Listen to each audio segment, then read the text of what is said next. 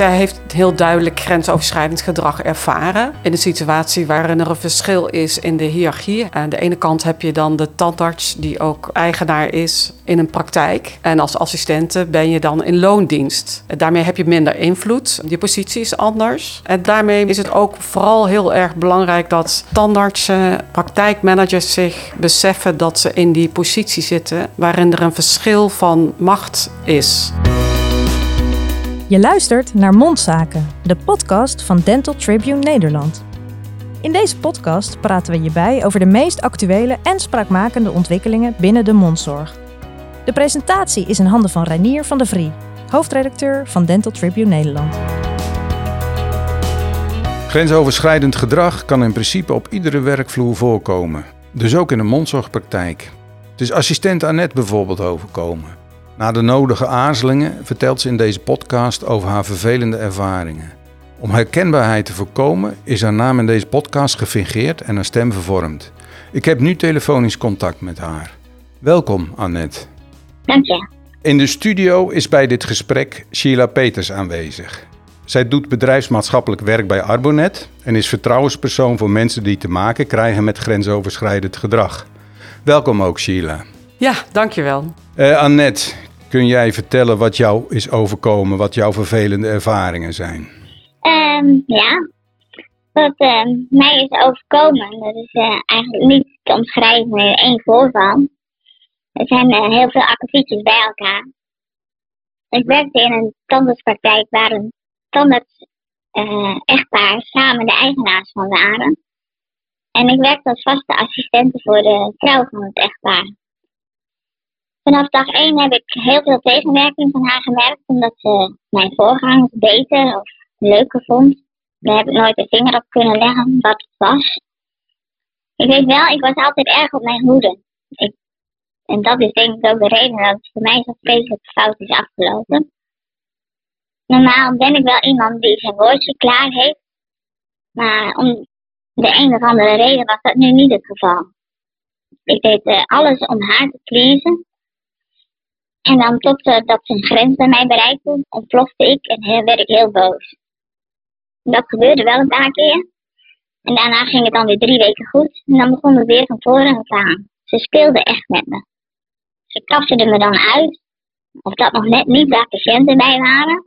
Maar met een minachtend geluid liet ze me altijd goed merken dat ik in haar ogen niet naar behoren presteerde. Eigenlijk was het zo dat ik de schuld kreeg van haar vader. Ik zal proberen een paar voorbeelden te noemen. Mevrouw de Tanders had nog wel eens moeite bij het vullen in de onderkaak. Om het te vullen element goed droog te houden. Dus bij vulling in de onderkaak was ik al op mijn hoede. En als het tandvlees dan ook nog bloedde, nou dan was het helemaal bingo. Dan was het echt dikke stress. Alles werd uit de kast gehaald en hoe ik ook keek en wat ik ook deed, alles was verkeerd. Ik kreeg boze blikken en soms zei ze ook echt opmerkingen waaruit bleek dat het mijn schuld zou zijn. Soms vloekte ze zelfs. Kun je, kun je een voorbeeld noemen van opmerkingen die ze dan uh, gaf? Nou, dan ze het volgens mij uh, van, uh, hou die zuiger daar weg. Of of jij kan ook niks. Of doe dat nou. echt zo, op die toon. Dat de patiënt ook dacht van, nou wat gebeurt hier boven mij? Ja, ja. En um, haar frustratie zat echt volledig op mij bot te vieren, zodat de patiënt maar niet aan haar kundigheid twijfelen. En een ander voorbeeld is ook als er nog een uh, restje composiet op een instrument zat, dan slingerde ze die zo langs mijn hoofd op het werkblad achter ons. Zo van die spies en of ik even een schone wilde pakken. En wat ik ook heel vervelend was, is dat ze de ene keer heel aardig in de omgang en de andere keer heel afstandelijk. Tegen mijn andere collega's deed ze wel heel aardig, behalve dan op een enkeling na, die ze dan dus ook niet zo blijkbaar niet leuk vond, of ook niet uh, ja, goed genoeg vond. Maar ook het feit dat je als gediplomeerd assistente altijd en overal gecontroleerd werd op je werk. En als het je uh, patiënt iets had uitgelegd en waar zij bij was, dan nog altijd even met andere bewoordingen nazeggen wat jij ook al gezegd had. Ja, ja. Ik werk nu in de praktijk, daar zijn we een team met de tandarts, niet onder de tandarts. Dat geeft gewoon veel meer vertrouwen. Ze hoort het volgens mij ook. Ja. En waar leidde dat eh, toe? Of laat ik eerst vragen, heb je het bespreekbaar uh, gemaakt? Wat, uh, wat je hinderde, zeg maar, en hoe, zij, hoe haar gedrag op jou inwerkte? nou ja, dat zei ik. Soms eh, dan, dan liep het bij mij weer zo hoog op en dan ontplofte ik gewoon. En dan eh, ging ik het gesprek met haar aan. En dan zei ze, nou ja, heb, dan heb je, ervaar jij gewoon verkeerd. Dat is helemaal niet mijn bedoeling geweest. En dan was ze echt zo mak als een lammetje. hè. En dan zei ze, nee, dat is echt helemaal niet waar. Dat heb je echt verkeerd ervaren. Zo was het niet. En eh, dat heb ik echt niet zo bedoeld. En dan de volgende dag was ze weer echt helemaal omgedraaid als een blad aan de boot.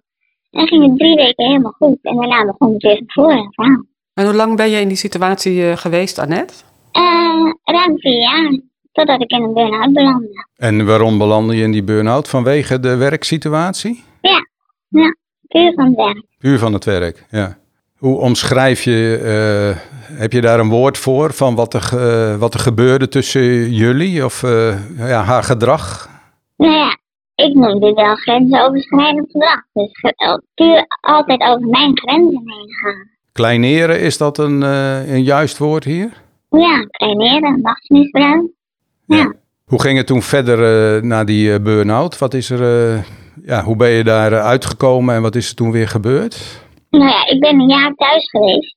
En in dat jaar heeft die tandarts niet één keer contact met mij opgenomen. Helemaal niks. Ik heb niks van haar gehoord. Terwijl ik daarvoor bijna vijf jaar knie aan knie dagelijks aan de stoel zat. Nou ja, vier dagen per week.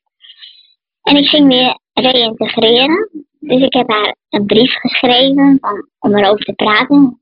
Eh, nou ja, hoe ik dit afgelopen jaren had ervaren en hoe ik wilde terugkomen, hoe ik wilde reïntegreren. Ik schreef haar hoe ik de gebeurtenissen had ervaren, want het is wel mijn ervaring. Ik kan niet voor haar spreken.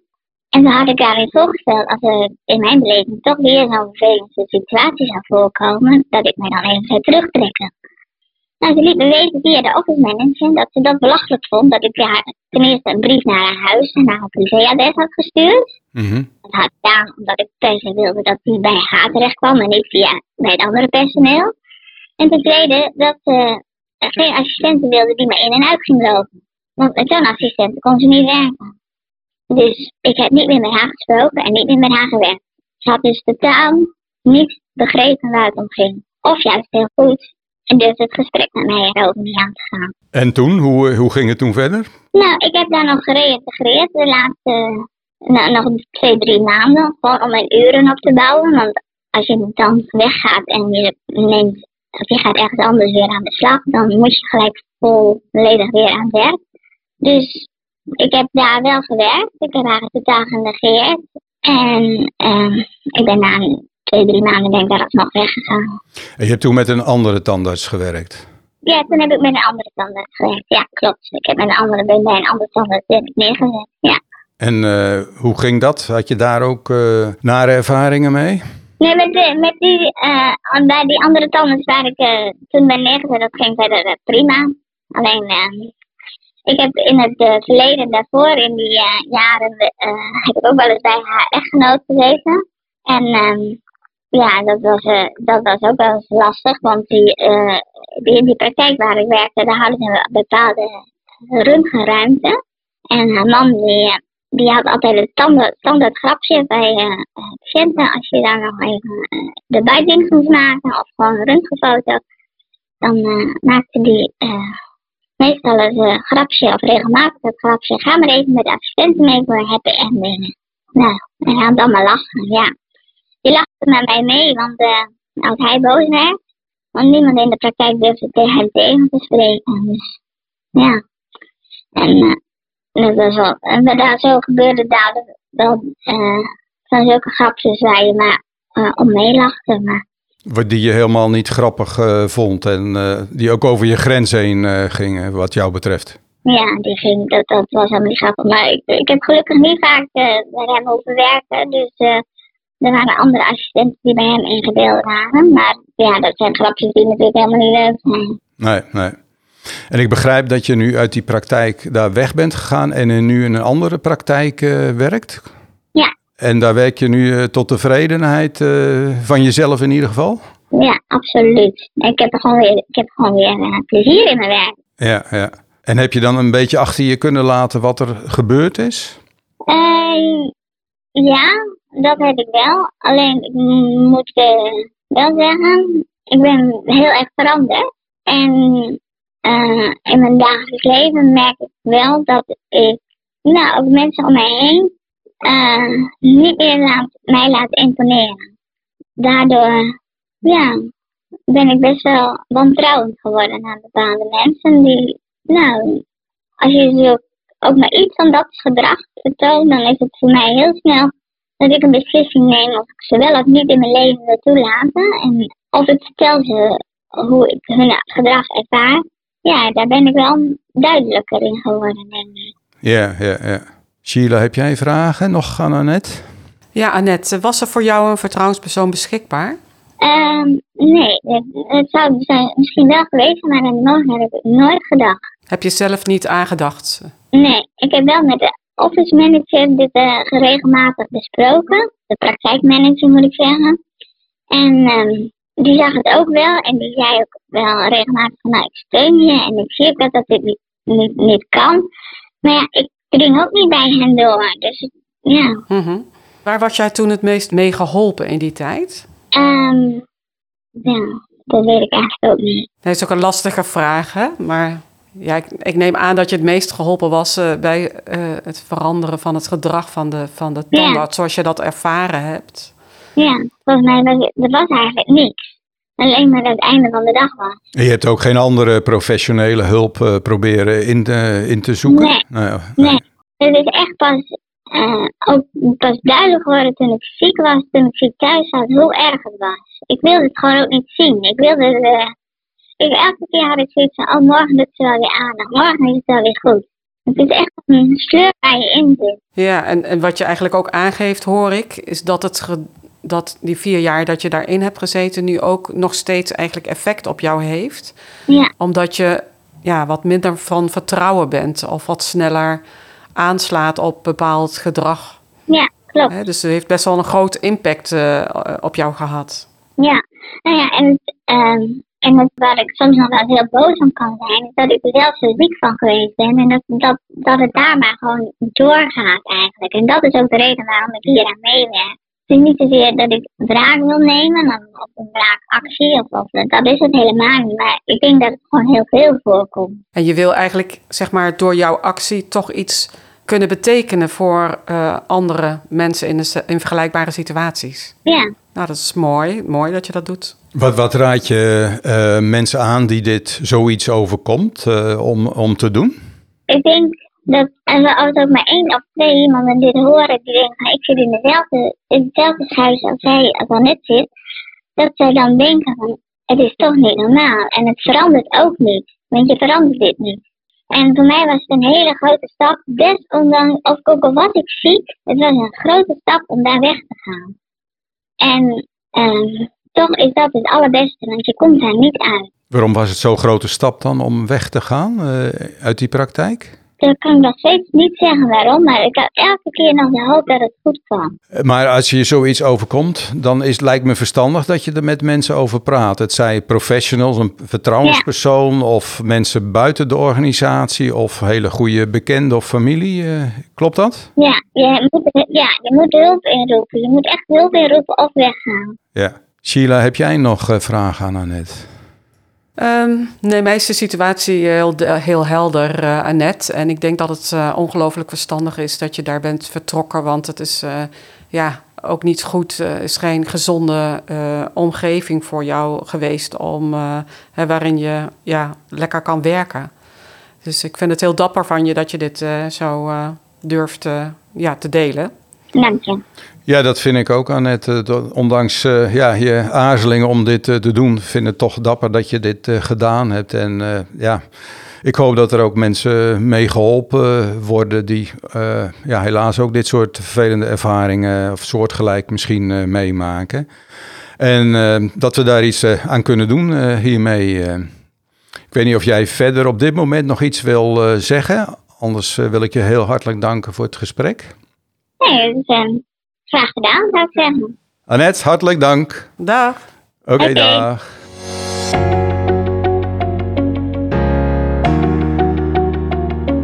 Sheila, eh, hoe eh, duid jij dit verhaal eh, van Annette? Wat kun je hierover zeggen? Zij heeft heel duidelijk grensoverschrijdend gedrag ervaren. In een situatie waarin, ze, zeg maar, waarin er een verschil is in de hiërarchie. Hè? Dus aan de ene kant heb je dan de tandarts, die ook mede-eigenaar is in een praktijk. En als assistente ben je dan in loondienst. Uh, daarmee heb je minder invloed. Um, je positie is anders. Um, en dat, daarmee maakt het, nou ja, denk ik ook dat uh, tandartsen, praktijkmanagers zich beseffen dat ze in die positie zitten waarin er een verschil van macht is. En dat maakt dat je gedrag ongelooflijk belangrijk is. En dat misschien jouw gedrag als uh, eigenaar of tandarts, uh, dat dat nog onfeilbaarder moet zijn eigenlijk dan uh, van anderen. Omdat, ja. En ik denk dat dat in de praktijk is dat natuurlijk ongelooflijk moeilijk. Want ben je ook wel eens vermoeid? Ben je ook wel eens prikkelbaar? Gaat het thuis ook wel eens, gaan er dingen mis? Waardoor je minder lekker in je vel zit. En dat kan natuurlijk gebeuren. We zijn allemaal uh, mensen. Maar de mogelijkheid om te reflecteren op jezelf um, is dan natuurlijk ook nog wel extra belangrijk. Als je dat niet doet en uh, je reageert je af, uh, dan, dan kunnen dit soort situaties ontstaan waarbij een medewerker zich ja, toch geïntimideerd voelt. En dat is dan misschien zelfs niet je bedoeling. Of um, ja, dat kan gewoon absoluut niet je bedoeling zijn, maar het kan wel zo uitpakken. Ja, ja, ja. ja. Wat is grensoverschrijdend gedrag? Dat is natuurlijk een heel breed begrip. Ja. Uh, maar hoe kun je dat toch zo nauwkeurig mogelijk omschrijven? Ja, ik wil het eigenlijk onderverdelen in drie gradaties. Hè. het ene, uh, uh, ieder mens is, is anders. Dus wat voor jou een grensoverschrijdend is, is voor een ander misschien minder grensoverschrijdend. Dan heb je een aantal uh, gedragingen uh, die we allemaal beschouwen als grensoverschrijdend. Uh, zoals nou ja, schreeuwen, vloeken, intimideren, et cetera. En dan heb je nog de categorie waarbij, het, waarbij we het hebben over strafbare feiten. En um, dan kun je inderdaad denken aan nou ja, aanranding, stalking, nou ja, allerlei ik kan een hele opsomming gaan geven, maar ik ben geen Iedereen jurist, kan zich dus, daar wel wat ja, bij voorstellen. Precies, ja. precies. Ja. Dus kijk, om te beginnen is bij die beleving is natuurlijk al belangrijk. Hè, is dat je met elkaar het gesprek aangaat en respect hebt voor elkaars beleving en probeert er samen uit te komen. Dat is natuurlijk heel mooi. Als dat niet lukt, ja, dan, dan, dan is dat heel lastig. Um, als het gaat om grensoverschrijdend gedrag, ja, dan, ook dan moet je met elkaar het gesprek aan. Maar dan kan het wel zijn dat er al uh, beschadiging is door de gebeurtenissen die al hebben plaatsgevonden. Ja, ja. En in de ja. situatie van, van Annette, ja. hoe, hoe, hoe dat gegaan is, zeg ja. je dan het is logisch dat ze uit die praktijk is weggaan? Of had er iets anders kunnen gebeuren waardoor het misschien opgelost had kunnen worden?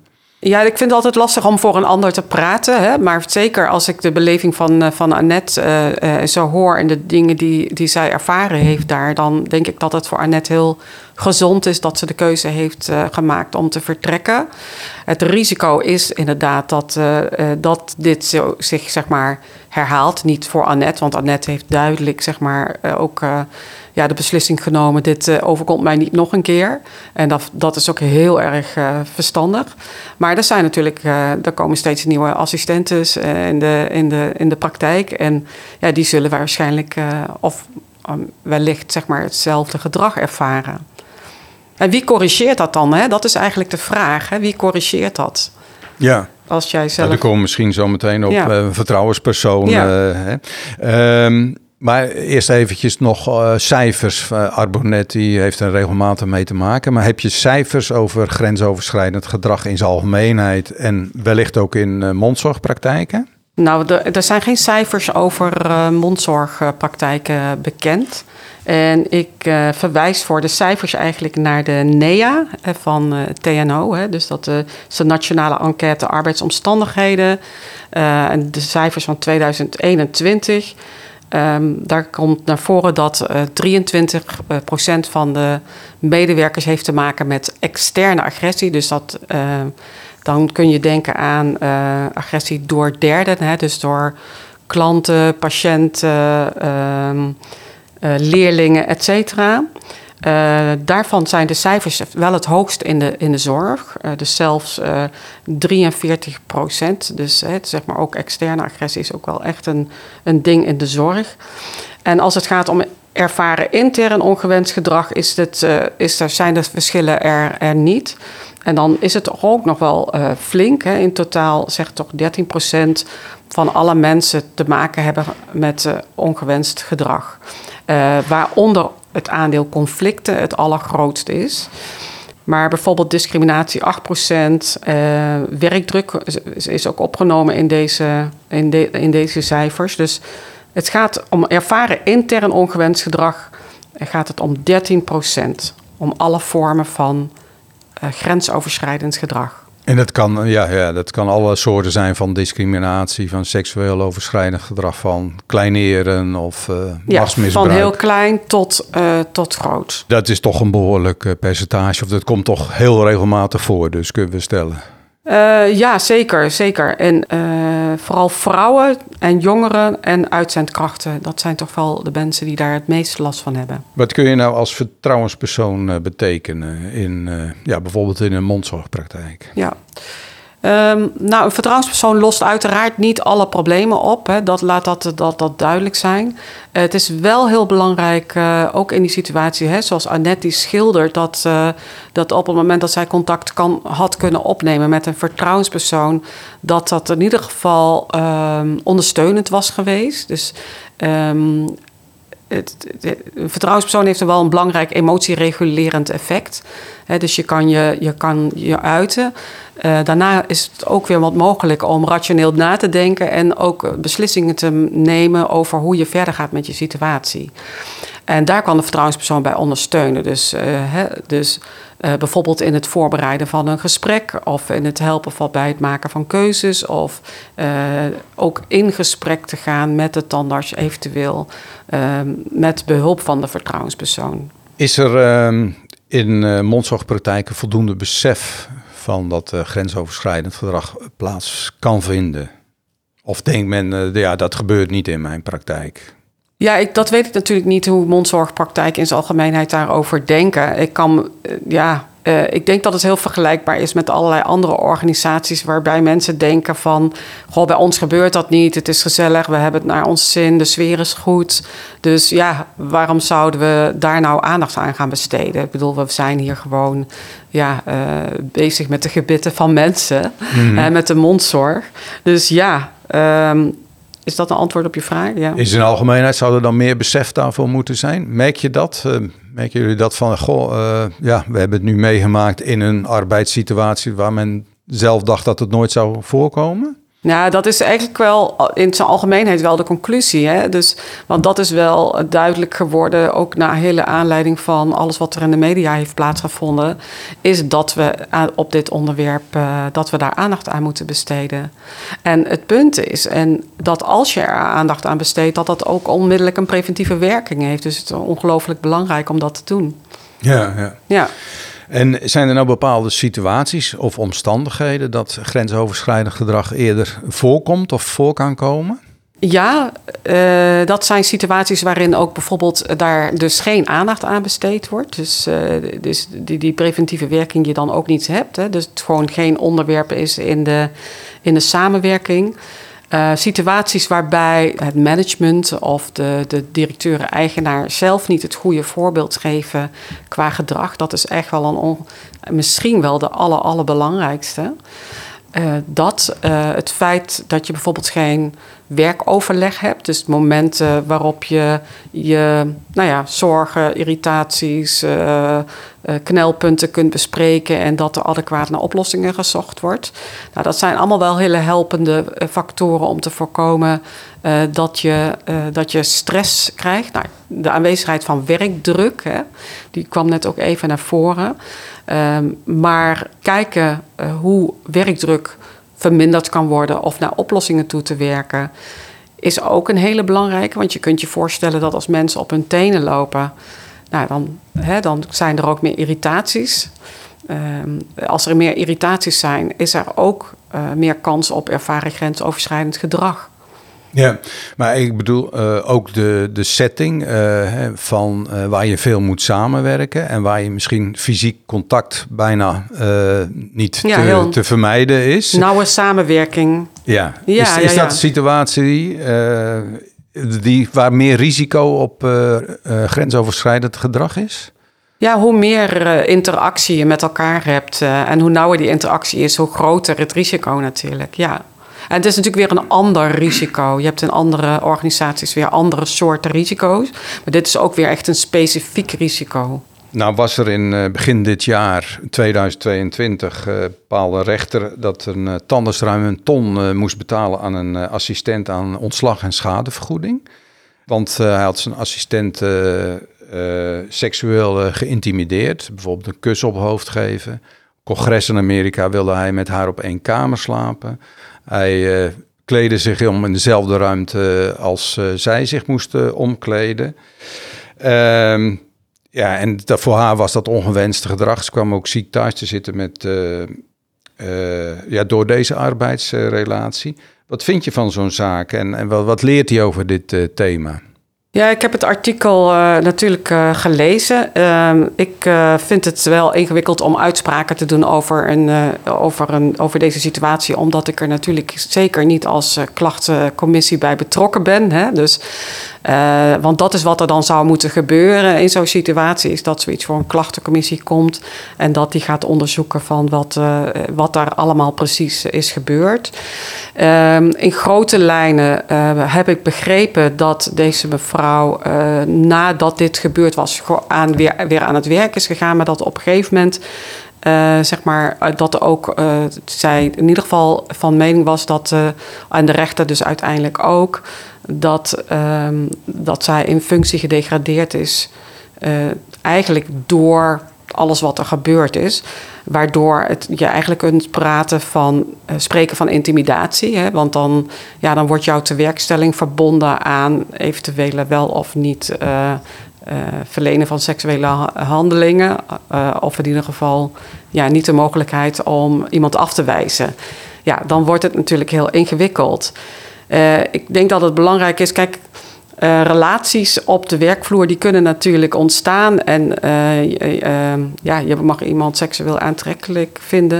Het is natuurlijk wel belangrijk, opnieuw, als jij je realiseert dat je in een machtspositie zit ten opzichte van de ander, dat het, dat het voor de ander vooral hele grote nadelige gevolgen kan hebben. Dus het is best een hele ingewikkelde zaak, denk ik. Ja, ja, ja. Ja. Maar een ton schadevergoeding is natuurlijk eh, wel een behoorlijk bedrag. eh. dat neemt wel, aan- geeft wel aan dat een rechter dat heel serieus heeft genomen. Ja, zeker. zeker. Dat, eh, dat heeft de rechter inderdaad gedaan. Dat Ja. zal die wel alle redenen toe hebben, denk ik. Is het niet heel moeilijk om nou een grens te leggen tussen eh, ja, wat juridisch strafbaar is, grensoverschrijdend is, of wat gewoon onverstandig gedrag is? Is dat niet heel moeilijk aan te geven?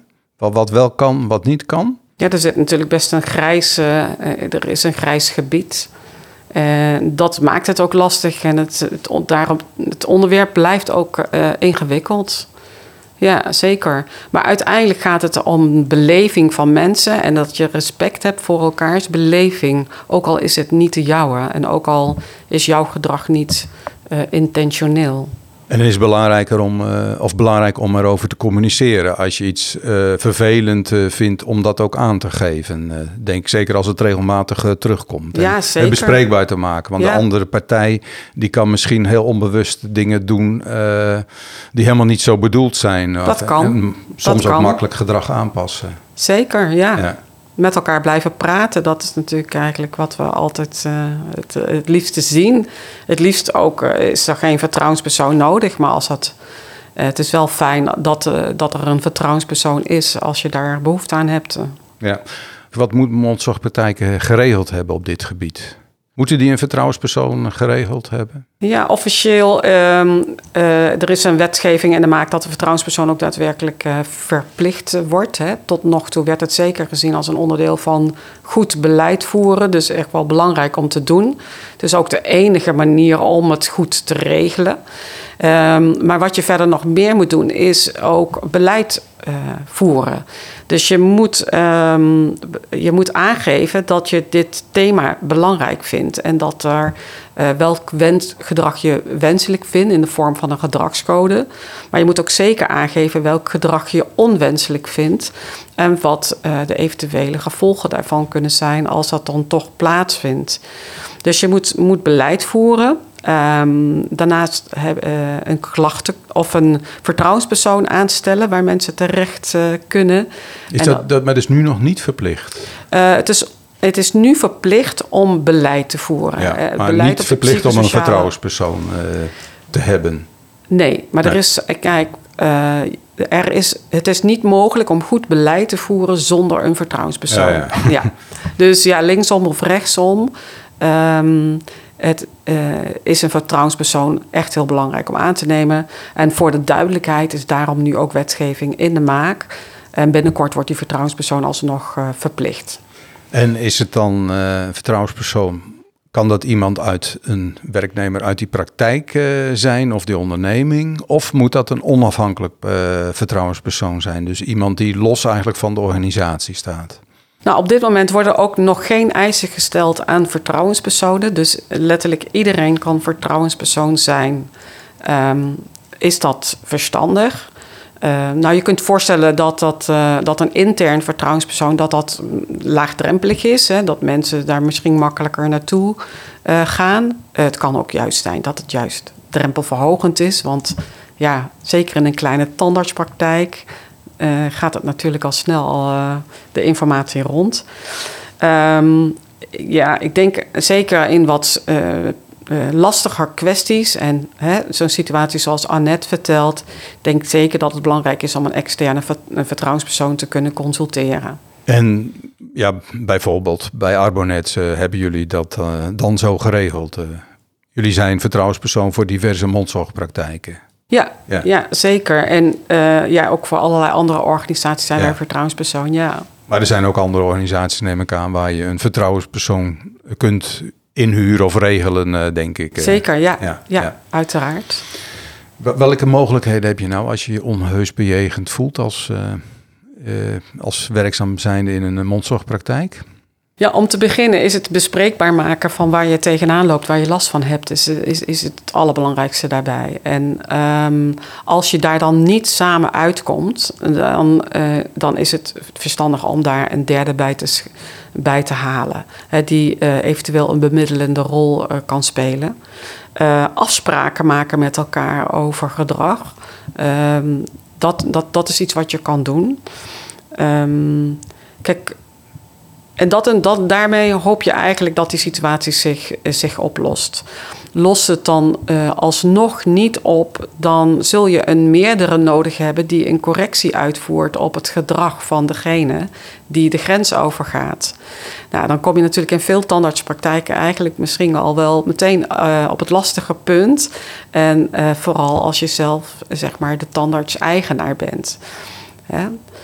Um, maar dat zijn eigenlijk de belangrijkste stappen. Werk je in een grote praktijk, dan kun je dus altijd nog opschalen naar een, uh, een leidinggevende, um, uh, een manager. Um, maar in principe zou je ook de mogelijkheid nog moeten hebben om een formele klacht in te dienen. Als je een formele klacht indient, dan komt die uit bij de klachtencommissie. Klachtencommissie ongewenste omgangsvormen. Um, als je die niet hebt, zeg maar als standaardsorganisatie, dan, dan moet je dat zeg maar toch nog wel gaan uh, organiseren. Dat kan onder andere ook weer, uh, bijvoorbeeld bij Arbonets, maar ook uh, andere organisaties bieden een klachtencommissie.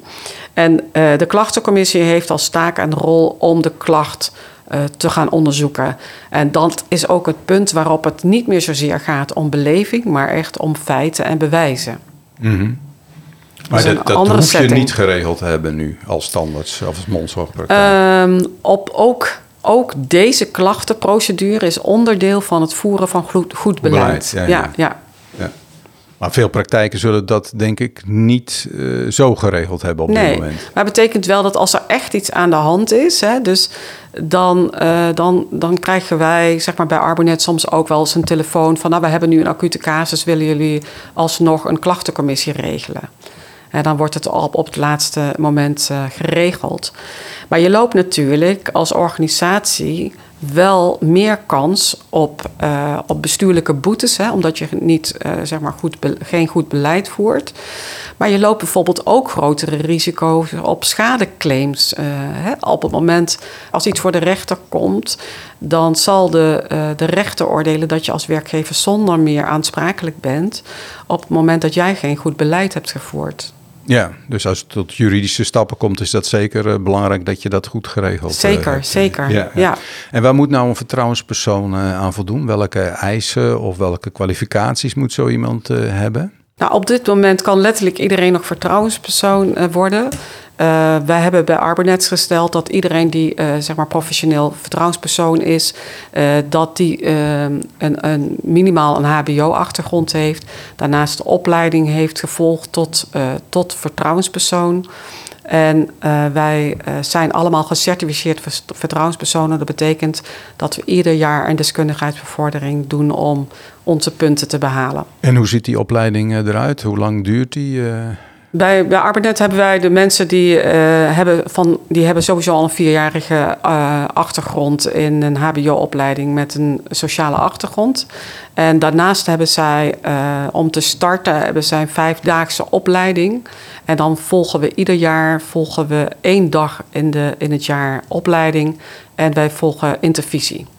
Een collega plagen of ermee flirten, is dat taboe vanaf nou, ik, ik zou hopen van niet, hè? want het uh, geeft natuurlijk ook uh, show op de werkvloer. En het, uh, ja, we willen vooral niet de spontaniteit van mensen ja, frustreren, zeg maar. Dus blijf vooral spontaan, maar blijf vooral checken of de ander nog steeds het net zo leuk vindt als jij. Dus op het moment dat je ook maar enig signaal opvangt dat die ander het niet zo leuk vindt als jij, ja, dan, dan is dat misschien wel belangrijk om daar rekening mee te houden. Dus maar nee, laten we alsjeblieft niet te bang worden voor elkaar. Dan wordt het ook zo ongezellig. Ja. ja. Goed oog voor elkaar hebben. En goed kijken wat, uh, wat voor reacties uh, ja. jouw uitspraak of wat, wat jouw uh, communicatie teweeg kan brengen. Ja, ja. Heb jij verder nog iets toe te voegen op dit moment, op dit gesprek? Of wil jij nog, nog slot nog iets over de situatie van Annette zeggen? Nou, ik denk dat we eigenlijk, eigenlijk alle aspecten wel hebben besproken van grensoverschrijdend gedrag en ook specifiek voor situaties eh, in de mondzorg. En waar mensen terecht eh, kunnen, mocht er iets eh, gebeuren, waar die zeg maar nou ja, na het horen van eh, deze podcast zegt van ik wil nu actie ondernemen, wat raad je ze dan aan? Wat, wat moeten ze dan doen? Dan heb je het over tandartsen? Nou ja, eh, willekeurig wie dan ja, ook ja, ja, deze podcast beluistert natuurlijk. Nou kijk, als je als uh, medewerker in een situatie zit en te maken hebt met grensoverschrijdend gedrag, dan zou ik je adviseren om te kijken welke hulpbronnen er mogelijk zijn. Kan je niet terecht bij een vertrouwenspersoon, zoek dan in ieder geval contact uh, via via de huisarts met je praktijkondersteuner om, om daarmee te praten en te kijken dat uh, dan los je daar het probleem op de werkvloer niet mee op, maar dan heb je in ieder geval voor jezelf steun geregeld. Ja, voor tandartsen natuurlijk, hè, die zeg maar voor zichzelf, voor hun praktijk en voor hun medewerkers de zaken goed willen regelen. Uh, nou, daarvoor heeft, hebben jullie eigenlijk uh, nou, met ons in samenwerking veel al uh, op touw gezet. Hè? Je bedoelt dan de KNMT als ja, beroepsorganisatie precies, voor Precies, ja. En um, ja, moet, moeten daar nog dingen in geregeld worden, dan ben ik zeker ook bereid om daar wat uitleg over te geven, extra. Oké, okay, ja. Hartelijk dank voor dit gesprek over de toch wel moeilijke onderwerpen, ja. denk ik. hartelijk dank. Dank wel. Dit was Mondzaken, de podcast van Dental Tribune Nederland. Wil je geen enkele aflevering missen? Abonneer je dan via je favoriete podcast-app. Heb je tips, leuke suggesties of vragen over deze podcast? Stuur dan een mailtje naar redactie@dental-tribune.nl. Voor ontvangst van onze krant of online nieuwsbrief kun je je aanmelden op onze website www.dental-tribune.nl. Graag tot de volgende podcast.